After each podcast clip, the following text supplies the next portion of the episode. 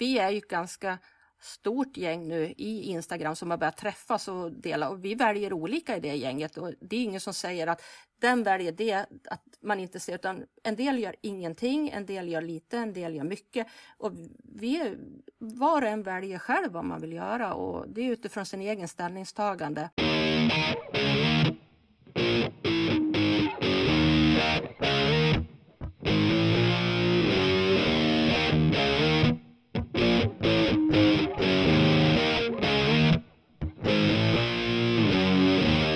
Hej och mycket välkomna till Gränslöst lärande. Vi ser med spänning fram emot en ny säsong, den tredje i ordningen. Och som vanligt i studion så är det jag, Niklas Lind och Peter Hjelm. Varmt välkomna.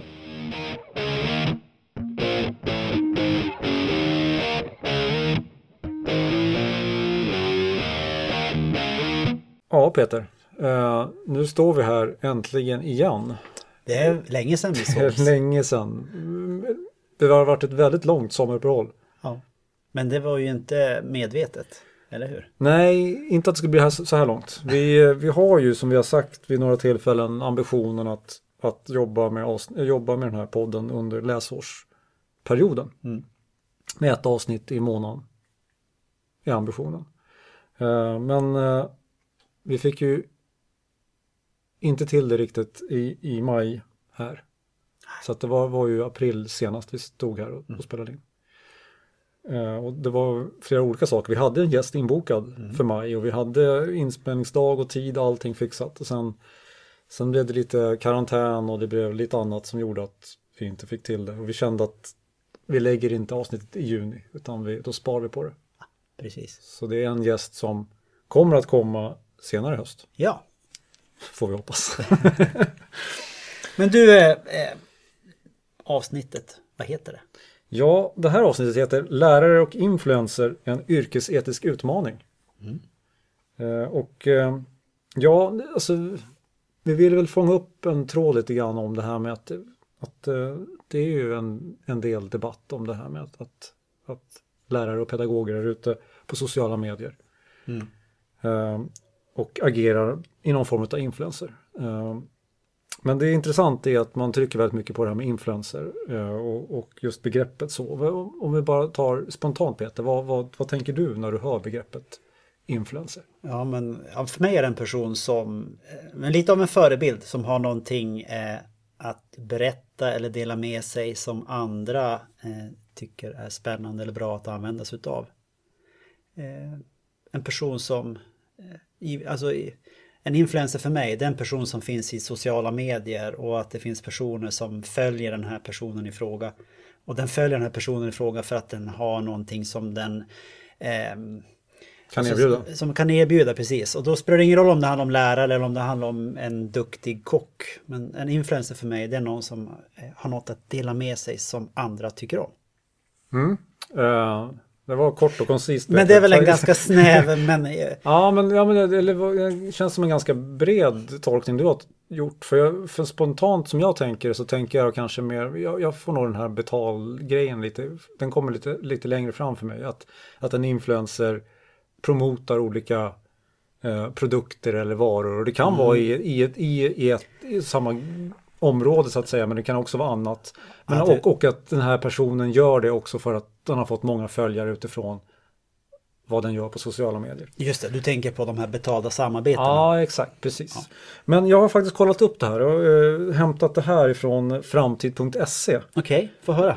Äh, en influencer är en inspiratör, motivatör, opinionsskapare som genom att sitt agerande påverkar vad andra människor gör Ofta är målet att få folk att handla vissa varor eller tjänster vilket gör att influensen också är säljare och marknadsförare. Naturligtvis kan du också vara influencer, bloggare eller youtuber utan att ta betalt för det innehåll du presenterar. Ah. Bara så här, tänka på vad du och jag sa så kändes det som att vi tillsammans ringade in mm. vad influencer-begreppet står för. Eh, och det, det känns, utifrån det så känns det intressant att, ta, att göra den här vinkeln på på vårt avsnitt. Mm. För att inte minst på, på Instagram så är det väldigt många som är ute, lärare som, och pedagoger som är ute och delar med sig av sitt, mat, ja, sin vardag och material. Och, på, och på, på något sätt skulle man kanske kunna säga att vi, vi alla, alltså alla som gör det är ju någon form av influencer. Men i olika grad då, beroende på. Ska vi ta och köra igång nu? Ja. Vi ska väl strax ta in våran gäst. Alldeles strax, men först det här.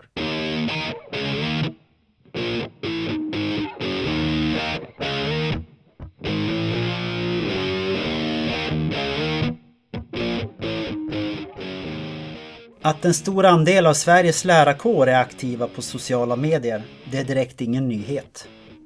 Pedagoger har länge använt Facebook, Instagram, Twitter och Youtube för att inspirera, dela med sig av tips och idéer, ställa frågor och så vidare. Nya digitala plattformar som TikTok har också lockat till sig sin andel av aktiva lärare. Och det bara ökar. Fler och fler lärare på sociala medier tar steget längre och startar bolag där de säljer egenproducerat material och marknadsför sig själva som utbildare och föreläsare. I andra fall smyger in betalda samarbeten med företag, ibland helt utan koppling till lärarprofessionen. Det finns yrkesetiska utmaningar att beakta för lärare som i sin yrkesroll är aktiva på sociala medier. Debatten och tyckandet i dagspressens ledarsidor Riskerar den att skrämma bort lärarna från sociala medier? Eller hjälper den till att tydliggöra gränsen mellan vad som anses lämpligt och mindre lämpligt? Lärarnas yrkesetiska råd, de har inget facit i frågan men uppmanar pedagoger att vara omdömesgill i offentliga sammanhang och att man enskilt som lärare reflekterar över den personliga etiken i de olika sammanhangen. Till dagens avsnitt av Gränslöst lärande har vi bjudit in Ulrika Elisson som är en erfaren pedagog och digitaliseringsutvecklare i Leksands kommun.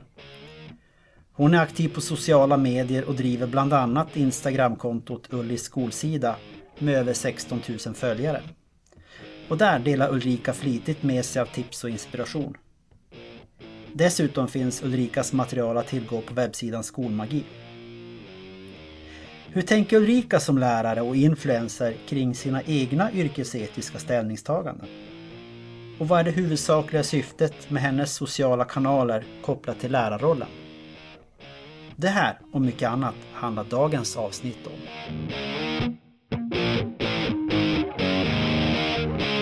Ja Peter, då har vi fått in vår eh, nya gäst i studion och det är Ulrika Elisson. Eh, varmt välkommen! Tack! Du är lärare på mellanstadiet på Ullevi skola i Leksand samt digitaliseringsutvecklare på grundskolan i Leksands kommun. Du är även förstelärare, läromedelsförfattare och föreläsare. Eh, är vi i rätt pott? Ja, det stämmer bra det. Spontan tanke är ju, hur hinner du med allt? Eh, jag jobbar ju inte heltid som lärare utan jag jobbar ju 50% som lärare och 50% som digitaliseringsutvecklare. Så att eh, de, de tjänsterna går ju bra ihop med varandra.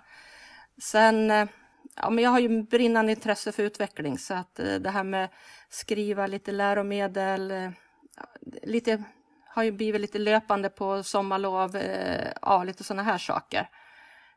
Föreläsningar ligger ju också till så att det inte stör mitt vanliga jobb då på det viset. Det är inte så ofta jag föreläser. Så det fungerar lite grann som en avkoppling kan man säga för dig då? Ja. Man säger det här, man har olika hobbys och mitt hobby är ju egentligen jobbet då, kan man ju säga. Jag, jag tycker ju mycket är roligt så att jag brinner ju för mycket saker. Och det, många kan ju säga att det är jobb men jag gör ju andra saker som bara att det är kopplat till jobbet. Då. Du känner aldrig att batteritiden, att det, att det skäl negativt från din batteritid utan det, ger bara energi eller? För det mesta. Det är väl när det blir mycket på jobbet liksom i lektionssituationer som vid utvecklingssamtalsperioder och sådana här saker. Men då får man ju se till att man inte har massa annat under den perioden. Utan att man har det här ligger, bara det då. Vi fortsätter som sagt vad vi försöker göra lite research när vi har våra gäster och eh, vi ser att du jobbar en hel del med programmering. Nu tittar vi bakåt i tid. Bland annat ser vi att 2013 så jobbar du med ett Scratch-projekt, alltså med programmering och eh, barnhack med eh, Leksands bibliotek. Är det något som du vill berätta om de två eh, projekten? Ja men det var ju faktiskt så att jag eh, har ju, brinner ju för det här med utveckling och vill ju utveckla mig själv. Så att då Umeå har ju väldigt mycket bra eh, kurser Så jag har ju gått många kurser, så här 7,5 poängskurser och det. Och då var ju en med kreativt berättande och scratch. Och det här tände jag på och tyckte wow, så kul. Då hade jag elever i ettan, tvåan, trean. Vi hade inte så mycket datorer. Jag tror vi hade fem tillgång till på den här tiden. Jag lånade ihop från en annan skola så vi kunde köra. Så jobbar de ju eh, kollaborativt och samarbetade. För jag, ettor kunde ju inte läsa och sådana här saker. Och det. Så att, eh, då startade vi igång med Scratch. På det viset är det då. Och det var då liksom det här med programmeringen tändes. Och sen då när jag var igång så frågade Linda då på, som jobbade på biblioteket då, kan vi göra någonting av det här tillsammans? För då hade ju eh, Internetstiftelsen höll ju på med det här också då, så att Måns därifrån var ju ute och hjälpte oss igång också. Kul. Sen ser vi även att du har varit med i URs programserie Lärlabbet. Mm. Eh, ett avsnitt som handlar om skrivundervisning för elever med dyslexi. När var det här i tid? Eh, det var i februari förra året. Så de var här. Det var precis innan pandemin bröt ut så att vi spelade, kunde spela in och det. För de var ju med under två dagar här i våra klassrum. Mm.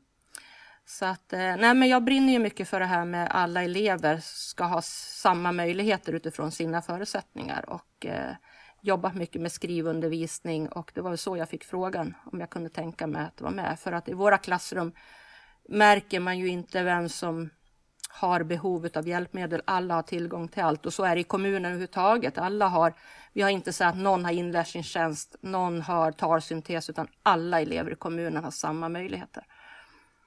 Det låter bra. Eh, I vår vidare googling här av dig så, ja, du driver ju Ullis skolsida eh, som är dels en, en blogg men också ett Instagramkonto. Eh, där du verk, som verkligen är fullproppat med, med tips och inspiration och som har många följare. Eh, och sen är du också för fjärde året i rad va? Eh, nominerad mm. till Guldäpplet. Ja, det är jag. Och det är ju en, en fin ära. Det är en jätteheder att bli nominerad. Att, eh, ja men många säger det, ja, men man inte vinna och sådana här saker, men bara någon uppmärksammar det man gör och tar sig tiden att skriva ner och nominera, det tycker jag är stort. Det gör mig jätteglad. Varje, fast det är fjärde gången så gör jag mig lika glad varje gång. Ja, men jag tänker bara därför är det ju värd ett pris i och med att du ändå har uppmärksammats fyra år. Ja, ja, men, jag, ja men jag blev jätteglad för att idag har ju vi fått reda på i kommunen att eh, vi har fått kvalitetsutmärkelsen Guldtrappan. Och där är jag ju en del utav i den här presentationen. Jag har ju varit med i det, min digitaliseringsutvecklarroll är ju en del utav det. Så att jag, jag är ju jätteglad för kommunens del och min del i det också idag. Så det var... ett, ett stort grattis! Tack! Mm. Det är på sin plats. Mm. Så det var jättekul. Ja.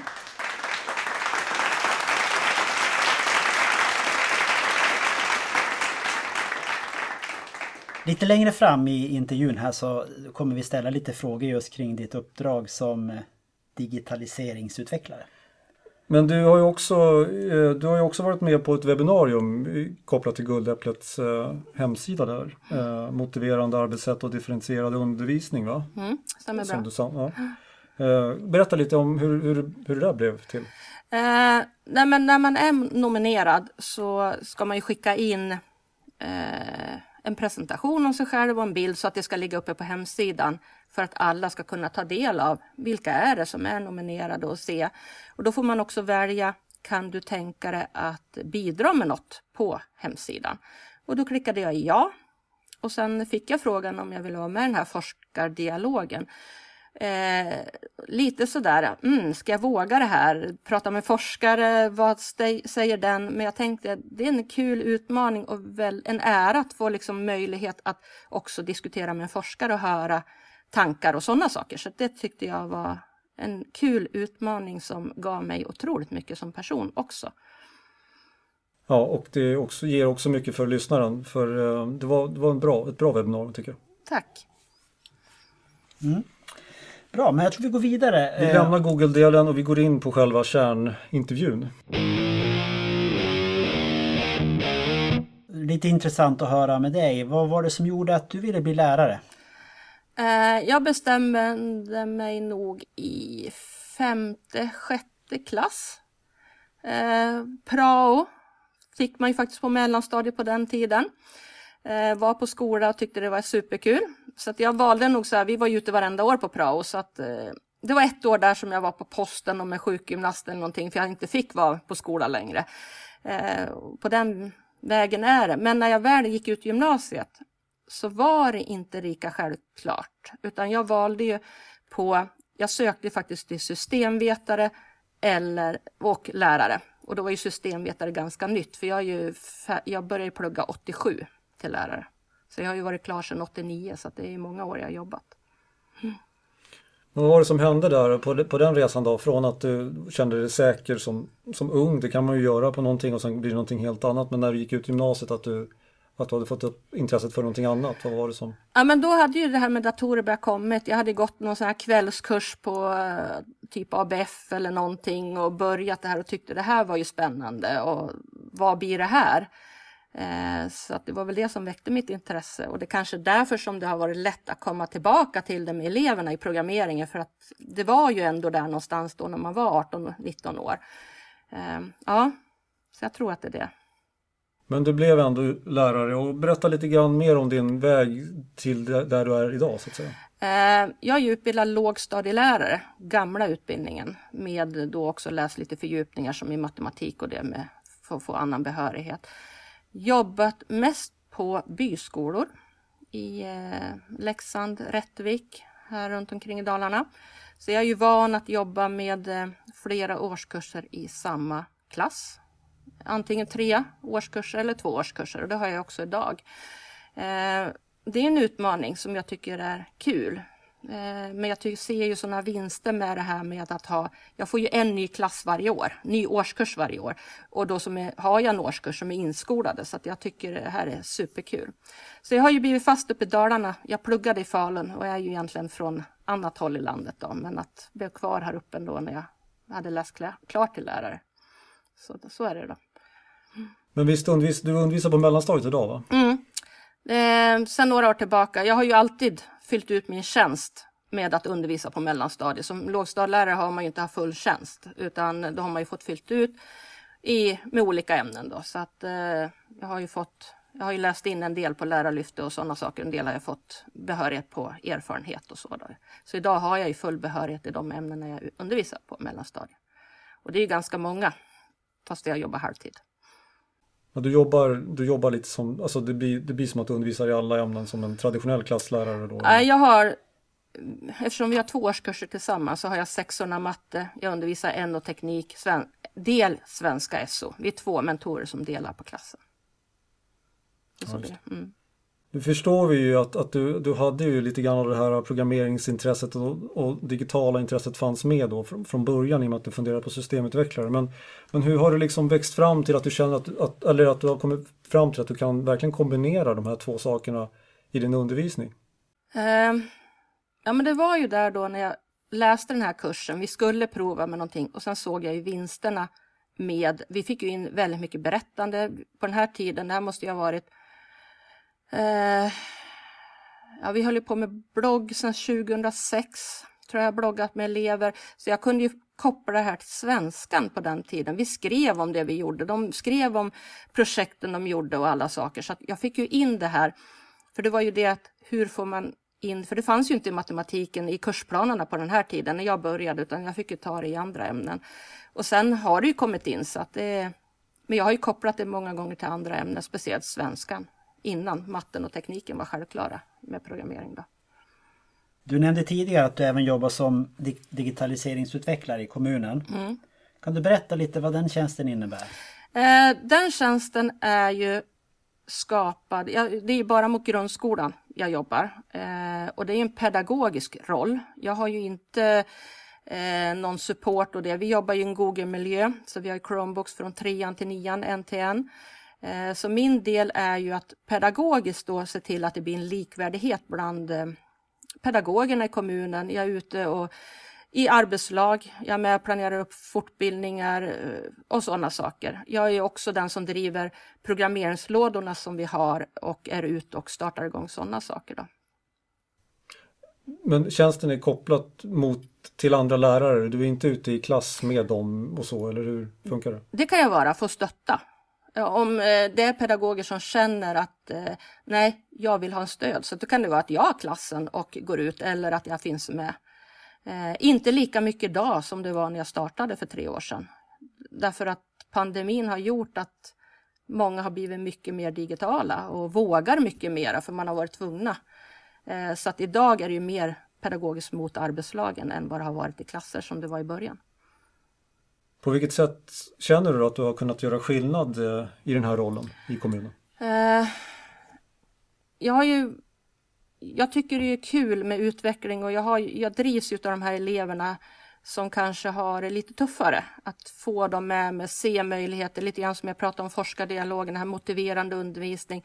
Hur kan jag bygga upp min undervisning? Och genom att jag är ute mycket mera så syns ju det jag gör. Det finns ju intresse mer i kommunen vad jag gör, man vill ta del av, jag kan sprida tankar, idéer. Och det kommer ju, jag ser ju det dels på min egen skola där vi har jobbat flera år nu, då, men jag ser det också i kommunen att det händer saker positiva saker för att man eh, tar till sig saker, man utvecklar och sådana saker. Så det, det, det, är ju det som är fördelen då med att kunna sprida så här. Hur tycker du att det funkar att, att kombinera de här två tjänsterna? Då? Eh, som jag har schemat ligger idag så går det bra. Eh, jag hade en rektor som var väldigt tydlig att du ska inte plottra upp det utan se till att du har heldagar på varje ställe. Så att när jag är på skolan, då är jag lärare. Och de andra dagarna då kan jag få sitta i lugn och ro eller göra det jag ska göra. Så det, går, det går riktigt bra faktiskt att göra det. Men jag tror att hade jag plottrat upp det mer så hade det inte blivit lika bra. Och när du är digitaliseringsutvecklare så sitter du inte på skolan då? Utan då eller hur? Nej, jag gör inte för vi är så trångbodda så att eh, då skulle jag få sitta i personalrummet och jobba och eh, jag gjorde det lite grann första terminen och eh, ja, då blir det så här att man kommer, kan du hjälpa mig med det, kan du göra det? Eftersom det är så, när man kan, blir mycket runt det digitala så får man ju hjälpa till när det blir lite kaos och sådana saker runt sådana det då. Så att nu, igen, ja, det blir ju ofta så här man kommer. Så att eh, nu sitter jag på annat ställe och då blir det ju att jag kan fokusera på den tjänsten när jag gör det. Mm, skönt. Mm. Jag tror vi byter ämne. Absolut. Mm. Du har ju tillsammans med Camilla Askebäck Diaz skrivit boken Escape Rooms i undervisningen. Mm. Ganska nyligt som den har kommit ut. Kan du berätta lite om den idén? Hur kom boken till? Eh, Camilla har ju brunnit för det här. Hon tycker det här med escape room är superkul. Eh, hon hade haft en idé ganska långt tag. Och så hade jag börjat att eh, använda escape room. Jag hade börjat dela med mig om att jag gjorde det. Så hon tog kontakt med mig så att det är hennes idé och det var hon som hade tankarna runt omkring. Eh, och sen så lagom när hon hade fått kontakt med mig så fick vi då kontraktet på med Natur och kultur och så kunde vi sätta igång och skriva. Så det är hennes idé från början. Jag hängde såklart på eh, för jag tycker det är intressant. Men jag har aldrig gjort det. Hon har gjort det. Det här var tredje boken som hon har gjort. Så jag tyckte det här att jättebra erfarenhet att få vara med och verkligen göra en sån här grej. Så att ja, så var det. Jag antar att du själv också jobbar mycket med escape rooms i din egen undervisning. Hur, varför gör du det? Eh, motiverande undervisning. Att eh, få eleverna, jag menar de lever i spelvärlden, många elever. Eh, och ja, escape room är ju inte spel i det avseendet, men det händer saker. Det blir, vi jobbar ju väldigt mycket med levels i alla eh, uppgifter vi gör för att kunna också visa på olika nivåer vad man kan. Och eh, det är motiverande, det händer någonting. Egentligen exakt samma frågor som jag kanske ställer i ett annat frågedokument i Google Classroom, men det blir i en annan form. Det kan vara när... när man paketerar in det, precis. Ja. Vi kanske skulle kunna göra så för lyssnare som kanske inte är bekanta med begreppet escape rooms. Kan du lite kort berätta vad det är för någonting och vad det går ut på? Ja, Många tänker ju escape rooms kanske typ Fångarna på fortet, man blir inlåst och sen ska man ta sig ut. Och det är ju inte det vi gör i undervisningen utan vi kopplar till Lgr 11. Vad är det vi ska lära oss? Vi skapar en story som är intresserad för att liksom väcka nyfikenheten. Eh, och sen så är det då saker att lösa. Man kan tänka att vanligt escape room, du ska låsa upp lås eh, med nyckel. kan vara. Här gör vi ofta digitalt att man ska skriva i rätt lösenord, rätt kod och sådana saker. Men det är det här att oj, vi klarar det, tar vi nästa. Att man blir taggad, man blir på, man vill och sen samarbetar ju mina elever jobbar ju alltid tillsammans två och två eller en liten grupp. Så att de blir ju det här kooperativa som vi jobbar med, också kollaborativa, att samarbeta, hjälpa varandra, ja, stötta varandra och gå vidare. Det blir ju en annan form av undervisning fast det kanske är exakt samma frågor. För det blir en annan paketering. En del av spelifierat lärande. Ja, jag ja. tänker en av våra tidigare gäster, Adam Palmqvist, Precis. hade säkert blivit jätteglad om man hade hört dig Ulrika nu. Ja, och vi har ju faktiskt refererat, vi har ju läst Adams och eh, lyssnat på Adams mycket också i tidigare och eh, han är ju även, finns ju med som referens i våran bok också eftersom vi har hänvisat till vissa saker som han skriver om, om hans pelare och sådana här saker. Så att eh, ja, vi, vi gillar, det är ju han som har växt, väckt intresse till att jag jobbar med levels till exempel. Mm. Det är en fantastisk bok också mm. att, att, läsa faktiskt. Mm. Det var det om det. Vi, vi, tänkte att vi skulle gå in lite grann på sociala medier. Eh, för där är du väldigt eh, aktiv. Mm. Eh, och hur kom det sig att du valde att i din yrkesroll eh, ta steget ut eh, och bli aktiv i sociala medier? Ja, jag har haft blogg, hemsida, vad man nu ska kalla det, sedan 2013 och delat med mig väldigt mycket om arbetssätt, eh, strukturer och allting. Men det tar ju ganska lång tid att dela med sig när man ska skriva inlägg, man ska få till bilden och allting så här. Och så blev det det, jaha, det blir färre och färre inlägg, vad gör jag? Och så började jag se att några lärare börjar vara på Instagram, eller ganska många börjar vara på Instagram, så tänkte jag, ja men det här kanske är ett bra forum. Lite bilder, lite korta beskrivning och sen så har jag längre så kan jag göra ett inlägg. Men kopplat till det som om de vill veta mer och sådana saker. Men det, det, är en bra form att dela med sig tips och idéer för jag, jag tycker det är kul att dela med mig av det jag gör. Uppskattningsvis, hur, hur, hur, liksom hur, hur mycket tid per vecka lägger du på Instagram till exempel? Egentligen inte supermycket. Eh, jag lägger ofta inte ut inlägg på helgerna, det är väldigt sällan. Eh, alltså jag lägger nog kanske bara en kvart, 20 minuter varje gång jag gör ett inlägg. För jag har ju allting i huvudet från vad jag har gjort. För jag beskriver ju ofta en jobbsituation. Jag beskriver ju ofta eh, ett moment och det, det, går ju ganska fort och då har jag fotat och gjort så att det, jag lägger inte supermycket tid som många andra. Jag håller inte på att planera så här att det här ska jag lägga ut den här veckan utan det, utan det blir spontant. Vad har jag jobbat med? Vad ska jag kunna dela med mig Så kan det väcka, ja men det här skulle jag kunna ta när, när vi håller på och jobbar. Eller så kan jag tänka, ja men det kan jag ta imorgon eller någonting sånt. Du, på Instagram så ser vi att du har ju, ja men det är drygt 16 000 följare. Eh, och många av dem tror vi är lärare och skolpersonal. Eh, vad, vad tror du det är som gör att de eh, eh, följer dig? Vad, vad får de av, eh, genom att komma in på din sida på Instagram? men det jag får höra, när man, man träffar ju ändå folk lite då och då eh, som följer en och det är väl det här att jag delar med mig av tips och tankar. Jag tror att man behöver ha inspiration, man behöver ha, det blir som lite fortbildning fast lite minifortbildning egentligen. Att eh, man delar med sig om hur man jobbar, man får nya tankar. Eh, och sen är jag även sån som person, eftersom jag gillar att utveckla mig själv, så jag blir ju aldrig nöjd med någonting utan jag tänker hur kan jag göra det här lite bättre? Det kan ju bara bli pytte och sådana här saker och jag tror att genom att jag utvecklar det jag gör så folk hänger ju på och tycker att det här är intressant och spännande. Mm. Eh, om, vi, om vi tänker oss, om vi tar Insta som ett exempel som ett, ja, men ett kollegialt eh, mötesplats där lä andra lärare på Insta eh, tar tips av varandra och ger tips till varandra. Hur, hur viktigt har det varit för dig som lärare att, att, att få inspiration av andra? För det är inte bara så att man är den som delar med sig.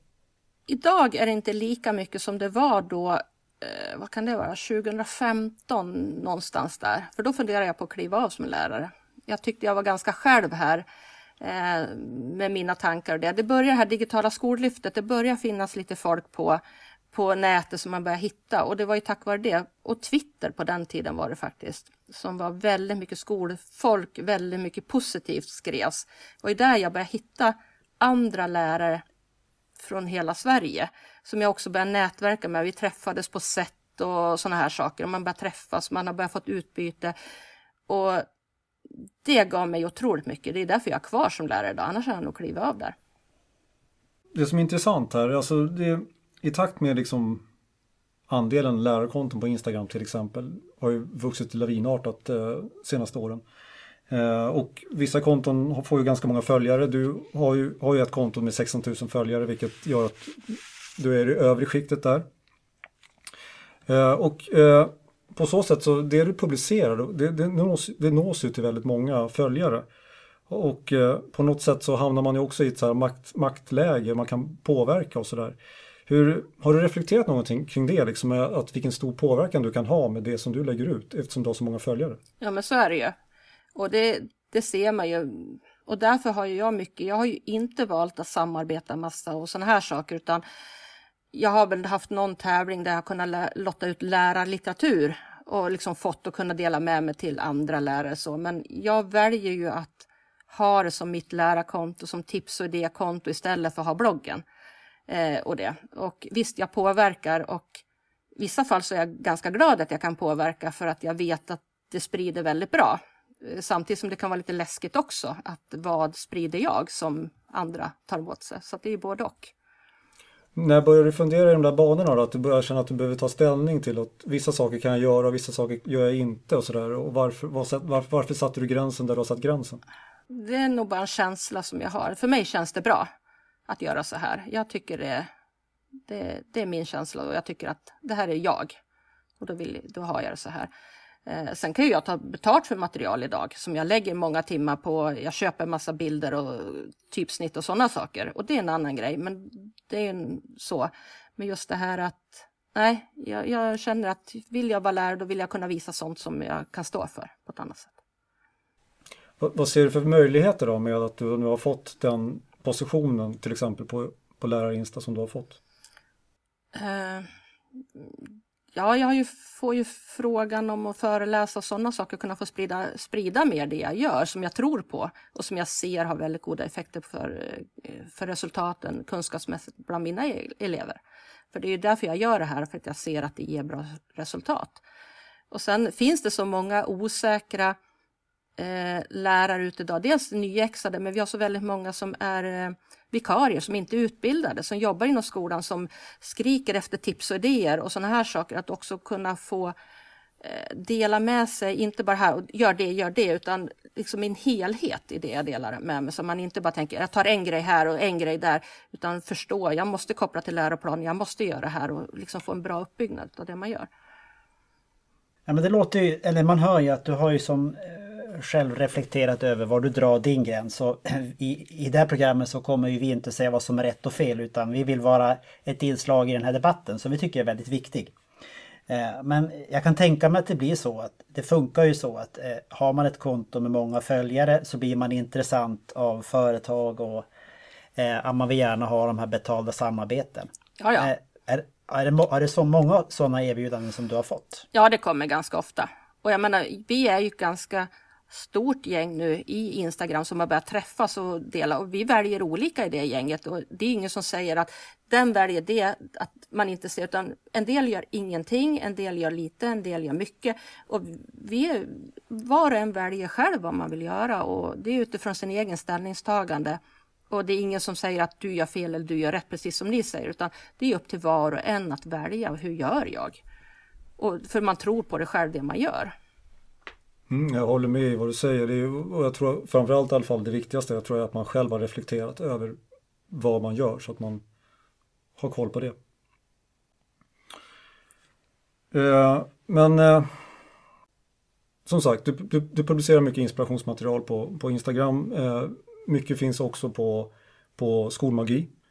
Eh, skulle du kunna bara kort säga, berätta lite vad, vad skolmagi är för, för webbsidan? Ja men det är ju ett, eh, om man säger Teachers Pay, pay Teachers, det amerikanska fanns, finns ju för att dela med sig. Skolmagi är ju ett sätt att dela med sig eh, av sitt. Vi har lektion.se eh, också liknande. Skillnaden är väl då när Skolmagi startade att det eh, fanns möjligheten att faktiskt ta betalt för sitt material om man tycker då. Eh, och det finns ju både och där. Jag delar ju väldigt mycket gratis också som jag tycker att det här ska vara gratis och sådana saker. Och sen tar jag betalt för vissa saker för att jag har lagt ner otroligt mycket tid och köpt bilder och sådana här saker. Så att det finns ju både och. En del tycker att det är fel att betala. På Skolmagi kan skolorna fakturera så att man behöver inte betala som privatperson heller utan det är upp till var och en hur man väljer att göra. Och som sagt jag delar ju mycket i det jag gör även gratis också. Då vad tycker du själv är fördelen med att det finns en sån webbsida? Ja men det kan ju vara det att eh, jag kan mycket väl tänka mig att betala några kronor för material som sparar mig mycket tid, som jag ser är precis det jag behöver ha, för jag vet hur mycket tid det tar att göra material och sådana saker. Så det är också det här, eh, det är bra som ett komplement till läromedel. Vi har ju läromedel för fullt i skolan hos oss. Men det här är komplement. Vill jag jobba kooperativt och sådana saker, då vill jag kunna ha mer material för att liksom fördjupa i det som vi har i läroböckerna. Du, hur fungerar skolmagi? Jag tänker, det är ju, vi är inne och kikar där och det är ju eh, många duktiga pedagoger som delar med sig av sitt, sitt material där. Eh, eh, på något sätt säkerställer man det är någon form av kvalitetsstämpel på materialet, eller hur fungerar det där? Inte riktigt, utan det är ju så här, ser du saker du inte tycker det verkar så bra, då, får du ju, då anmäler du det till de som driver skolmagi. Det, är ju inte, det finns ju både och. Det finns ju material som kanske är mindre bra och det finns material som är otroligt, otroligt väl genomarbetat. Så det är också det här att man måste ju själv kanske reflektera över det man tittar på. Är det här någonting för mig? Och då, då kanske man inte vill betala förrän man, då vill man se vad det är man får för pengarna i så fall. Utan då väljer man gratis material för då kan man ju bara säga nej det här var ingenting och så struntar man bara i att använda det. Just det. Nej, och du, du, nämnde det tidigare, det finns ju andra sådana här sajter. Du har ju även, du nämnde lektion.se, sen har väl facket eh, lektionsbanken. Mm. .se, ja, men det finns ju de här samlingssajterna. Mm. Så det är väl bra att det finns komplement till varandra. Precis. Teaching Fantastic, var det norska? Ja. Teaching Visst är du lite involverad på ja, jag, den också? Ja, jag översätter en del material dit. Och det var ju så för att det inte fanns någonting svenskt, för då fanns ju inte skolmagi eller någonting sånt och mycket bra material att kunna använda även som var svenskt. Då. Så att jag översätter, ja. Nej, men som sagt var, jag tycker att man, man behöver själv tänka som pedagog lite grann också. Att eh, vara lite källkritisk själv, precis som vi lär våra elever när man tar del av andras material också. Mm, precis. Jag kan tänka mig att det kan skilja sig där mellan en, i ditt fall, en väldigt erfaren lärare som har varit med i branschen länge eh, jämfört med en, kanske en en yngre pedagog som kommer in nu som kanske är, faktiskt är uppvuxen och har bara levt under den digitala eran. Vi som är gamla, vi har ju levt, hur, vi vet hur det var före att vara analog. Men vi har ju lärare idag som, ja men när de föddes då, då, då fanns, eh, alltså då var internet någonting självklart. Eh, så att kan du se någon skillnad när det gäller generationer eller åldrar där på hur man, hur man hanterar och, och så att säga, använder de sociala kanalerna? Nej, det är nog både och. Jag tror att det är ganska många ändå som är lite äldre som har vågat sig in i det här och jag ser det som digitaliseringsutvecklare ute i kommunen. Det är inte självklart bara för de yngre som har vågar mest, driver mest, utan det kan vara lika väl de som är lite äldre och så. Så det är väldigt blandat och det tycker jag är kul. Men där är ju du en bra ambassadör tänker jag också. Ja. Vi går vidare va? Ja, vi går vidare. Ja, vi går vidare. Eh, på tal om det här gränslösa kollegiala personalrummet så ska ju du tillsammans med Linda Forsell Asp som är Lindas klassrum på Instagram. Ni arrangerar väl eh, någon form av lärare tipsa lärare-event va? Mm. I oktober. Stämmer bra. Eh, vi Spännande! Tycker, ja, vi tycker så mycket händer i storstäderna, typ Stockholm och sådär. Så att eh, hon bor i Falun, har sitt sommarhus i Rättvik. Det är ju väldigt nära Leksand där jag finns. Så att vi har ju träffats lite grann, några stycken sådär i samband med kick-on och sådana saker. Och så har hon tänkt på det här och så hjälps vi åt. Så att vi blir 55 stycken som träffas i Rättvik en helg i oktober. Där deltagarna gör eventet. Det är ingen som får betalt eller någonting utan alla är där för samma, man betalar eller skolan betalar. Eh, vi tipsar varandra, man har korta miniföreläsningar och delar med sig av sina kunskaper. Och det är sådana som vana föreläsare till de som aldrig har föreläst gör sin första grej. Så att det blir väldigt kul. Påminner lite grann om det som fanns tidigare som hette skolvåren. Mm. Kanske lite grann så. Och, eh, men ja, nej, men här blir det ju mer nätverka, träffa folk, eh, sprida alla finns inte på Instagram, en del är där, en del har bara privata stängda konton men så här, utan det är väl det här att sprida, nätverka, tips och idéer, få vara med likasinnande och bara prata skola en hel helg, liksom bara så här inspiration. Det låter som en helg med full av inspiration. Och dessutom nu när det är möjligt att öppnat upp så man faktiskt kan ses fysiskt. Att det inte behöver vara digitalt. Nej, precis. Men 55 personer sa du, men intresset har, ni upplever att intresset alltså har varit stort? Det har varit stort. Så är det. Vi stängde vid 55 för vi hade satt en gräns där. Så att, eh, det var våran gräns och vi kände det här mäktar vi med och klarar av att göra. Så att, eh, ja, det blir häftigt. Det blir, det blir kul att ta del av det sen på något sätt och kanske blir det någon, någon uppföljare på det där. Ja, vi hoppas ju det då. Att kunna återkommande event sen. Och just att det händer inte på fler ställen i Sverige då än, än bara Stockholm kanske eller Malmö, Göteborg, de här större. Ja men du, då tror jag vi har kommit fram till, till våran programpunkt som vi kallar för gästlistan. Eh, där du ska få lyfta fram tre saker som du tycker är extra viktiga att tänka på före man ger sig ut i sociala medier i sin yrkesroll som lärare. Mm. Det första är väl syftet med kontot. Eh, vad är det jag vill med mitt konto? Är det att visa upp vad jag gör som lärare? Är det att eh, dela material? Eller är det att, eh, vad, vad, vad vill jag med det här kontot? Det är liksom det första. Eh, jag tycker också att det är jätteviktigt att prata med sin chef, sin rektor, när man gör det här så att de vet om vad man gör. Eh, jag har ju inte bilder på barn. Jag har haft några enstaka bilder på barn och då är det ju samband med eh, sådana som ligger på nätet, typ i femman och sådana saker som ändå är publicerade. Annars så har ju inte jag barn på mina bilder. Eh, just det här att ja, kolla att är det okej okay? att jag faktiskt delar bilder och sådana saker. Så att, ja, det är väl en grej. Samtidigt också tänka det här additionsstressen. Det finns ju otroligt mycket fantastiska konton. Och tänka att man ska vara alla de här kontona, det går ju inte, det är ju inte vi heller, utan man får tänka på att allt görs inte av ett konto. Man ser någonting där, man ser någonting där och det är så här att se till att man bara delar och ha ork till att dela. Gör det du känner för. Känn inte att du måste, för det gör inte jag. Jag känner inte att jag måste ut med varje sak varje dag.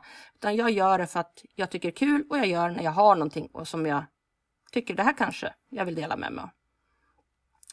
Så att det är väl de viktigaste sakerna. Men även det här på när man ska dela. Vad får jag dela? Eh, bilder, det är lite grann som det här med, med källkritik och sådana saker och vad Creative Commons, eh, copyright. Man kan ju fortfarande se bilder att folk har plockat bilder från nätet som är vattenstämplade och sådana här saker. Att, vad får jag dela med mig?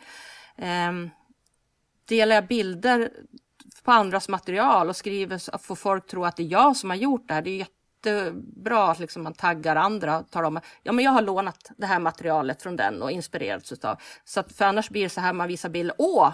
Och så talar man inte om att det här har inte jag gjort utan det kanske var någon annan. Det är liksom det här att schysst att tänka till på också. Då.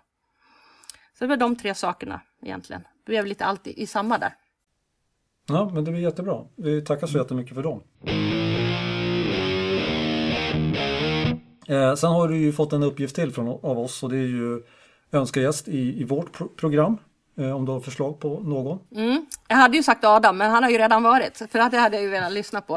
Eh, för just det här med spelifiering tycker jag är kul. Sen är det ju det här med lärmiljöer och hur vi lär oss. Och där finns det ju dels Emma Widegren på Gotland som brinner jättemycket för lärmiljöer.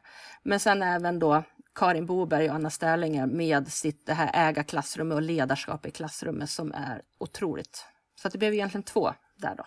Mm, det, det är helt okej. Okay. Eh, vi tackar så jättemycket för de tipsen. Har du något övrigt som du vill tillägga som du känner att vi inte har pratat om? Eller något som du vill ytterligare tydliggöra eller någonting? Nej, utan jag tänker så här. Eh, sociala medier är ju en otroligt positiv, bra grej. Och Instagram är ju en väldigt positiv del att vara på. Det är ju väldigt mycket positivt att vara där. Men just det här att tänk till med som jag sa, det här additionsstressen att man kan inte göra allt och man ska vara nöjd med lite och plocka någon idé här och där. Bra slutord. Precis. Jag måste bara ta, då sabbar jag det här med slutord, men i alla fall. Eh, jag håller med om det här med att Instagram är en väldigt positiv, lärarinsta är väldigt positiv miljö att, att vara i. För, för det, det, man får, det, när det väl dyker upp kommentarer och sånt så är det av positiv natur. Uh, och jag vet också att, att, folk som är mycket på, på lärartwitter och sånt eh, kan tycka att där kanske det inte alltid är lika positiv miljö. Så att, så att uh, man kan få mycket energi utav just lärarinsta. Det, det är härligt att, att det kan vara så. Och vi var ju på Twitter förut och sen så har vi flyttat över när det blev det här mindre positiva på Twitter. För det var ju där vi började, fler stycken utav oss. vad är det som gör att, att det har blivit så tror du? Jag vet inte faktiskt. Jag är ju aldrig nästan in på Twitter längre. Man kan läsa någon tråd emellanåt men att jag tycker ju att det här negativa, jag tycker det tar för mycket energi. Jag vill, jag vill vara i det positiva. Samtidigt som man måste också tänka kreativt, konstruktivt, kreativt eller så om man blir fel och sånt. Men att jag tycker jag vill ha det här positiva, kunna se möjligheter, inte bara se det negativa i saker. Så om man tänker sig skillnaden så är det ju, jag tycker mig att eh, Instagram är mer bildfokus än textfokus. Mm. Ja, så är det ju. Sen får vi väl hoppas att den där eh, klimatet i, på Twitter ändras också. Ja. Det, det, det, är ju vi, det är vi, som, det är vi som är klimatet samtidigt. Mm. Men det är ju å andra sidan inte bara lärare Twitter som, har, som, som, är, som, är, som är lite på Twitter. Så det, det där med att uttrycka sig kort det är kanske inte alltid så, så lätt heller. Mycket missförstånd kan bli. Ja, det kan bli så. Mm. Men nog om det. Eh, vi tackar så jättemycket för att du ville vara med i vårt program. Mm, tack för att jag fick vara med. Jättespännande att få vara med faktiskt.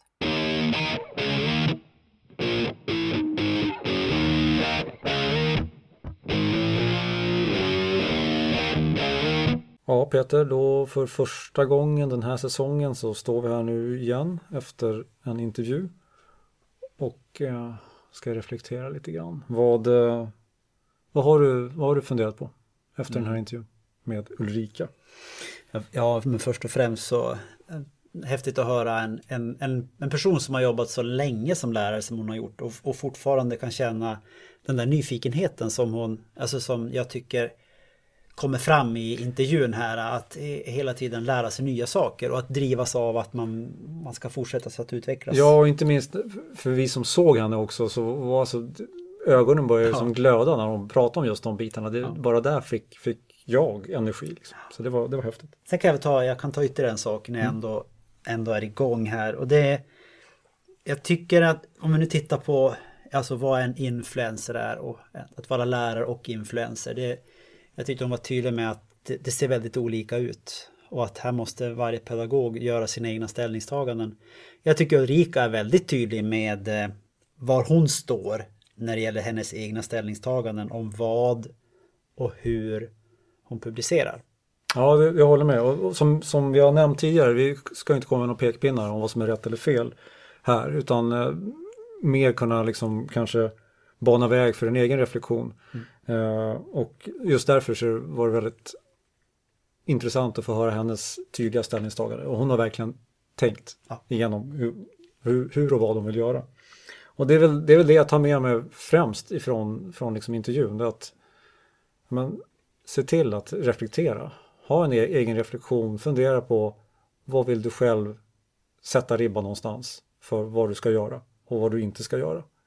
Eh, så att man ja, men, så att man vet själv vad man gör och varför man gör det och är trygg med det. Mm. Så det, det, tycker jag. Och, det här, och på något sätt så den, den där egna reflektionen går ju in väldigt mycket i Ulrikas tre tips ja. i, i våran gästlista. Så att eh, lyssna gärna på den och checka av den helt enkelt för egen del. Mm. Jag tänker att eh, det är inte omöjligt att vi återkommer i det här ämnet längre fram blir det inte i år så kanske nästa säsong. För det, det, det är en intressant fråga som vi måste fortsätta att diskutera kring. Ja, jag tror det. Eller, det känns som att det finns saker som man ytterligare kan bena ut mm. och prata och, och, intervjua folk från, från andra håll kanske också.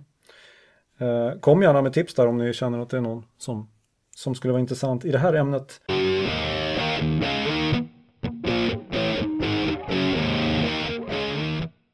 Eh, men eh, ska vi ta och eh, stänga butiken för Avsnitt 15. Avsnitt 15. Mm. Ja, det, det låter väl som en bra idé.